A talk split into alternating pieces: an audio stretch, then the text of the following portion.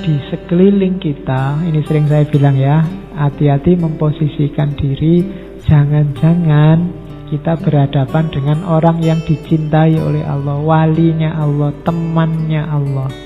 Ini saya ambil dari bab 73 dari 560 bab tentang level dan tingkatan para kekasih rahasia Allah. Ini uniknya Kadang-kadang walinya sendiri tidak ngerti kalau dia wali. Itu dahsyatnya di situ. Wali kalau ngerti dirinya wali, ini beban yang sangat berat luar biasa. Jadi maka kadang-kadang Allah menjaga dirinya dengan dia sendiri tidak sadar kalau dia wali. Biasanya yang ngerti kalau dia wali, wali yang lain. Oke, meskipun saya ngomong gini kamu nggak usah GR, jangan-jangan aku wali. ya, Sosok kamu gitu merasa wali kayak kayak aku. Arahnya jangan ke dirimu, tapi ke orang-orang sekelilingmu. Jangan-jangan mereka wali. Kalau ke arah dirimu sendiri lahirnya merasa besar, merasa tinggi. Kalau kamu merasa dirimu wali berarti pasti kamu bukan wali. Rumusnya memang begitu. Ketika kamu merasa dirimu wali berarti ada rasa tinggi dalam dirimu pasti kamu bukan wali. Ah, justru lah iya pak, saya ini tidak merasa diriku wali. Jangan-jangan saya wali ya, doa. Bulatnya di situ lagi nanti. Wis tidak usah mikir ke situ lah. Jadi atribut gelar nama, level, tingkatan itu sama sekali tidak penting. Yang penting prosesnya, mujahadahmu, sulukmu, pendekatanmu pada Allah levelmu di mana, ahwalmu nyampe apa, tidak usah dipikir. Begitu kamu mikir, kira-kira ini makumnya sudah wali apa belumnya? Pasti tidak sudah. Jadi yang ada di pikiranmu hanya Allah saja, bukan gelar keduniaanmu. Ini kan identifikasi dari Ibnu Arabi. Ya memang nanti dipahami secara rasional banyak. Apa iya begitu ya?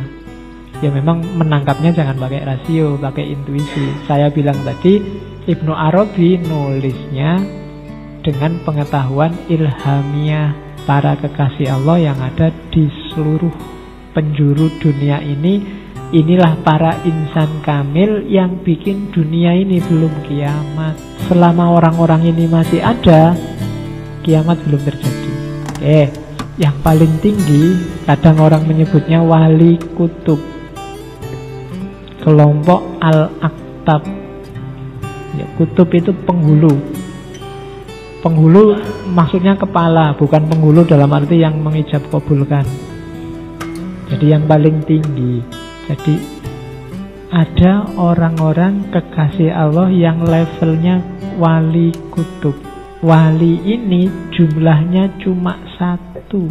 Meskipun nanti ketika meninggal ada gantinya.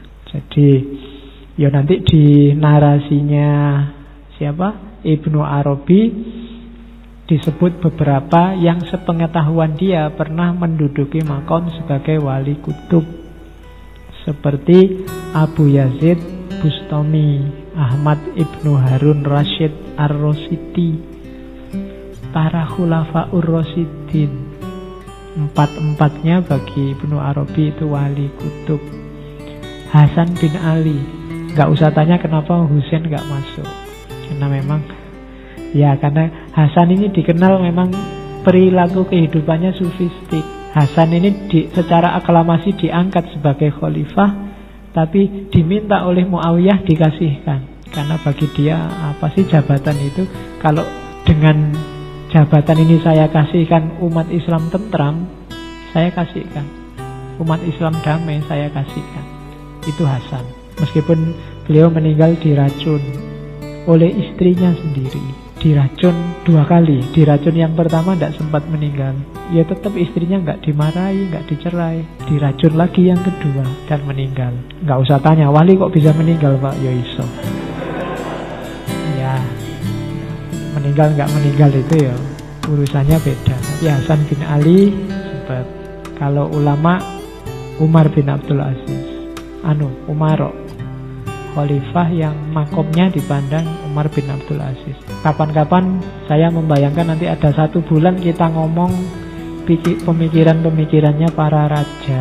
Salah satunya saya ingin ngangkat Umar bin Abdul Aziz, mungkin Alexander the Great, Iskandar Zulkarnain, muridnya Aristoteles, kemudian dari Jawa saya ingin memasukkan Sultan Agung dengan serat sastra gendingnya. Sudah berapa? Satu, dua, tiga, empat. Satu lagi entah nanti kita cari. Yang posisinya raja. Jadi jangan salah, raja, presiden, pemimpin itu banyak juga yang punya gagasan-gagasan original, filosofis. Jadi Al-Aktab di bawah Al-Aktab ada Al-A'immah. Kalau Al-A'immah isinya dua, gelarnya Abdul Robbi sama Abdul Malik dua orang wali itu level kedua kemudian level ketiga ada al-autat al-autat itu artinya cagak tiang pasak al-autat ini jumlahnya empat adanya di empat penjuru mata angin barat, utara, timur, selatan jadi di barat juga ada wali, jangan salah. Tidak cuma di timur. Ya entah siapa beliaunya kita tidak tahu. Jadi porosnya ada di Ka'bah. Autat ini dalam catatannya Ibnu Arabi pernah di antara wali Autat ini perempuan. Ya saya mengerti di antara yang di sini ada yang wali perempuan. Oke, cuma tidak usah merasa wali. Nanti penyakitnya kembali lagi. Gelarnya Empat orang ini ada Abdul Hayyi, ada Abdul Halim, ada Abdul Qadir, dan Abdul Murid. Ibnu Arabi cerita, kami pernah ketemu orang di Maroko. Jadi seorang di antaranya tinggalnya di Maroko. Sedang ngumpul, mereka tinggal di utara, di timur, di barat, di selatan bumi. Ini mereka yang menjaga keseimbangan alam sehingga tidak jadi kiamat. Namanya Al-Autat. Ada lagi wali abdal. Badal ini pengganti. Jadi jumlahnya tujuh. Menjaga tujuh wilayah di bumi. Saya tidak tahu tujuh wilayah itu pembagiannya bagaimana. Yang jelas bukan benua Asia, benua Amerika, benua Eropa. Tidak. Ada kategori pembagiannya sendiri. Nanti itu Ibnu Arabi cerita ada wali abdal yang namanya Abdul Majid bin Salamah. Eh ada orang bernama Abdul Majid bin Salamah tanya pada seorang wali abdal namanya Mu'ad bin Ashroh. Gimana sampean kok bisa jadi wali abdal? Katanya dia jadi wali abdal itu yang pertama karena sering lapar, gemar beribadah di malam hari, suka diam dan mengasingkan diri. Bukan kita banget, ya. Kita kebalikannya semua. Kalau kita suka makan-makan, ya. Kalau malam sukanya tidur, kemudian suka kalau ada rame-rame pesta-pesta, banyak teman. Kebalikannya. Sekarang kita menghadirkan teman kan sering tidak pakai fisik, tapi pakai WA sama Facebook. Sama aja, berarti kita tidak suka kesendirian, sukanya keramaian. Nah, berarti kalau seandainya kita wali, pasti bukan wali abdal. Mungkin wali yang lain. Wali murid atau wali.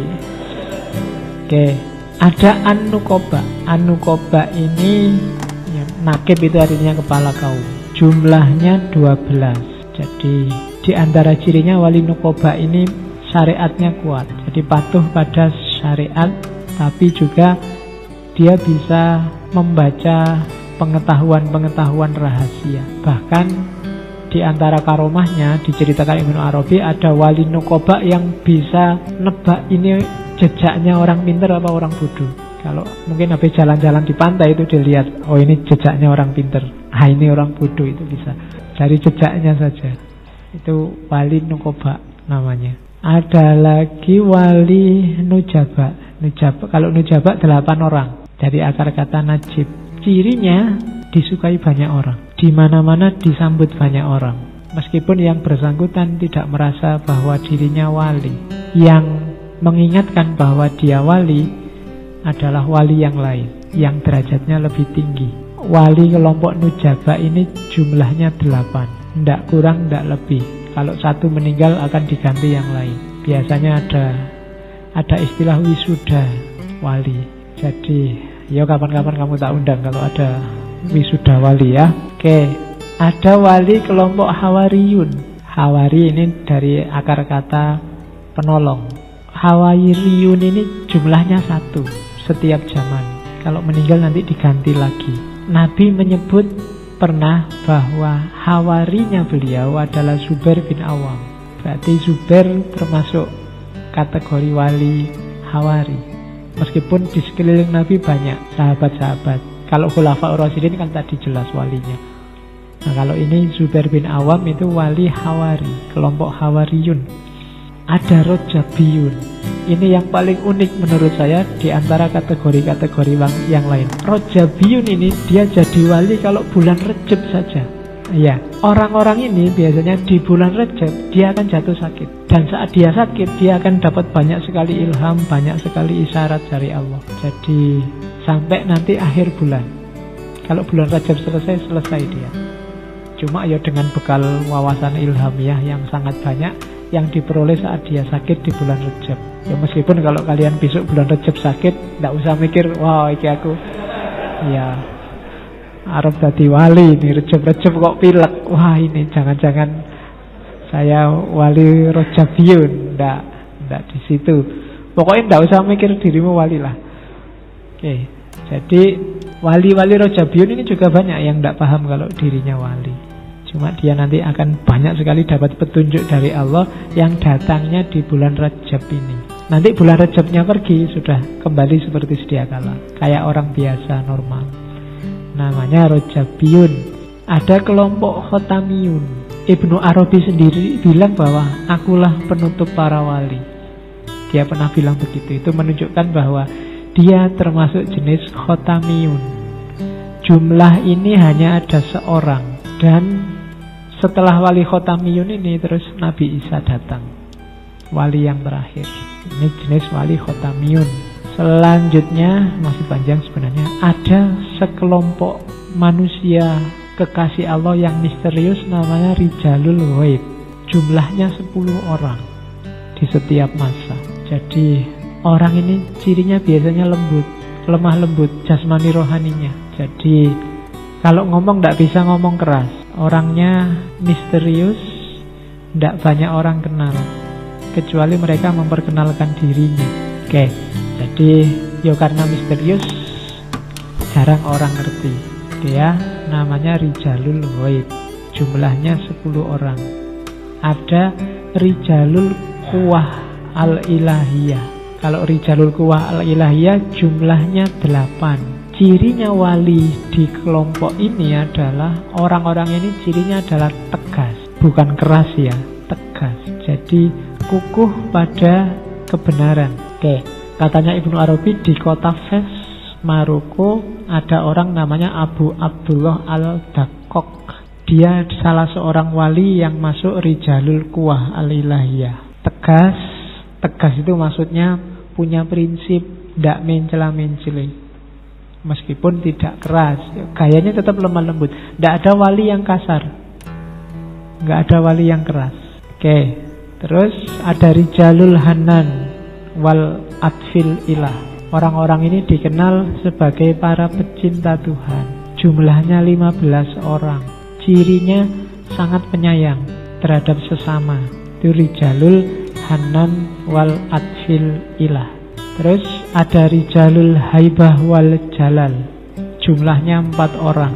Orang-orang ini orang luar biasa Cuma tidak ada yang kenal di bumi. Orang-orang ini terkenalnya di langit. Populer di kalangan malaikat. Jadi dia idolnya para malaikat. Bukan manusia di bumi. Cirinya lemah lembut. Dan orang akan tunduk kalau ketemu dia. Tanpa dia menundukkan. Itu Rijalul Haibah wal Jalal orang sungkan sendiri kalau berhadapan dengan wali ini. Ibnu Arabi pernah ketemu di Damaskus. Katanya Ibnu Arabi di Futuhat.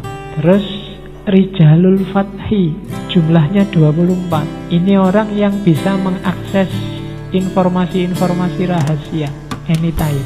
Orang yang ilmu laduninya kuat tentang apa pun. Namanya Rijalul Fathi. Terus ada Rijalul Ula, jumlahnya tujuh orang orang-orang ini yang levelnya tinggi. Jadi mereka bisa mondar-mandir di banyak alam, termasuk di alam malakut. Tidak usah kamu kejar alam malakut kayak gimana, belum nyampe. Terus, Rijalul Tahtil Asfal. Mereka ada di bawah bumi. Ini bahasa simbolik ya. Di bawah bumi berarti tidak ada orang yang tahu.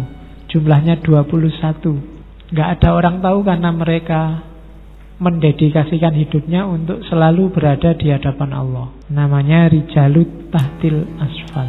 Oke, makanya aspal itu ada di bawah. Itu jangan salah itu bahasa Arab itu. Jadi jadi kalau diterjemahkan letterlock ini para laki-laki yang ada di bawah aspal. Oke, ya. Terus Rijalu Imdadil Ilah wal Kaun. Ini orang yang selalu mendapat karunia ilahi Jumlahnya tidak lebih dari tiga orang. Ini orang yang butuh apa saja pasti dikasih oleh Allah. Dan mereka tidak pernah mikir dirinya. Jadi kebutuhan mereka adalah kebutuhan manusia sekelilingnya. Dan setiap kali dia mohon sesuatu, minta sesuatu, pasti dikasih oleh Allah. Nama mereka adalah Rijalu Imdadil Ilah wal Kaum. Ada Ilahiyun Rohmaniyun. Ini manusia penyayang. Jumlahnya tiga di setiap masa.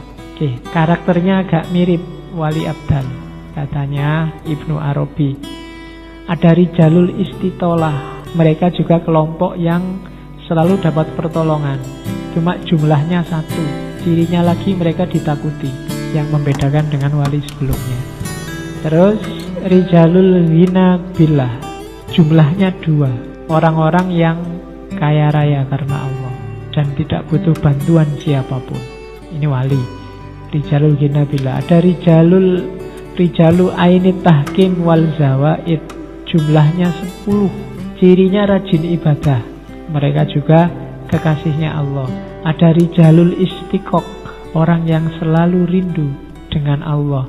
Karena selalu rindu dengan Allah, di antara cirinya adalah suweneng sekali sholat siang malam. Ya, kalau kamu kan agak gimana gitu kalau sholat. Kalau mereka senang. Sholat bagimu, mungkin bagi saya juga kan masih beban. Lagi enak-enaknya tidur kok sholat. Lagi enak-enaknya ngobrol kok sholat. Jadi rasanya beban. Tapi kelompok Rijalul Istiqoq ini, dia sukanya sholat. Nggak boleh ada waktu lowong sholat aja. Nggak boleh. Karena sholat itu ketemu sama Allah. Kenapa dia rajin sholat? Karena dia sangat cinta sama Allah. Ketemu sama yang dicintai itu kan senang. Maka dia ingin ketemu terus. Itu kelompok Rijalul Istiqom. Ada kelompok Al-Mulamatiyah. Ini cirinya hati-hati dalam syariat. Dasar hidupnya adalah khauf pada Allah. Takut keliru. Ini kelompok mulamatiyah jumlahnya tidak terbatas. Banyak. Sesuka Allah. Bisa sedikit, bisa banyak. Terus ada kelompok Fukoro. Al-Fukoro ini orang yang merendahkan dirinya di hadapan Allah, memposisikan dirinya rendah di hadapan Allah.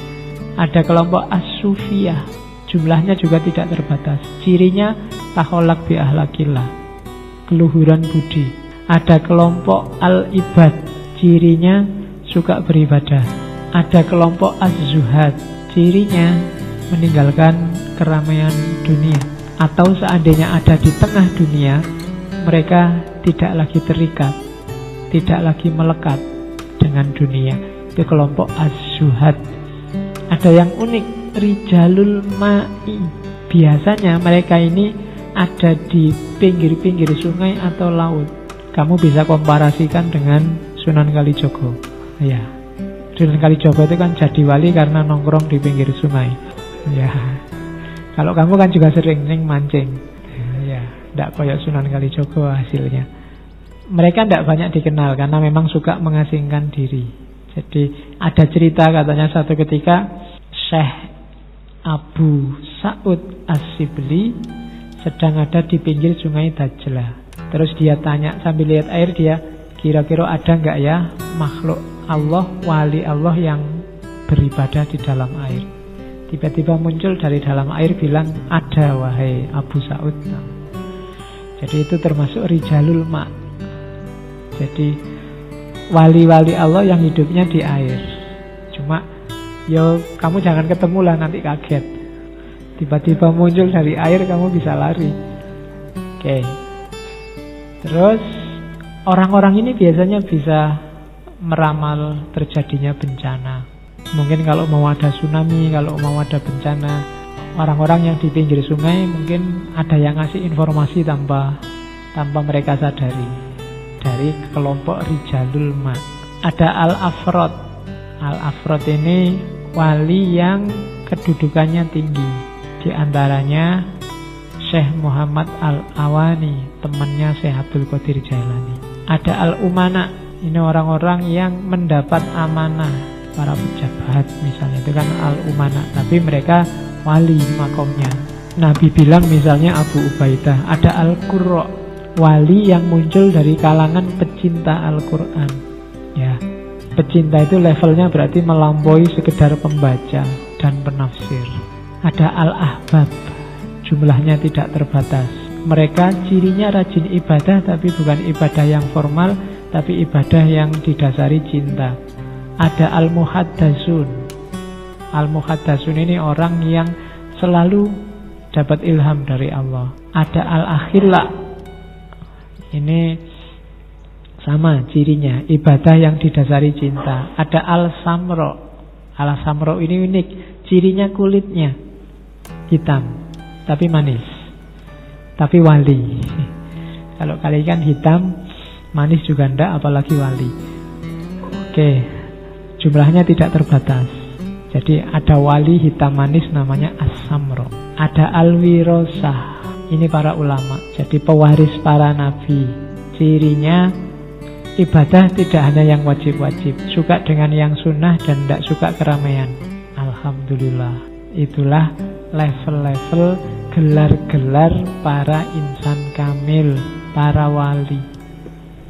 Dari Ibnu Arabi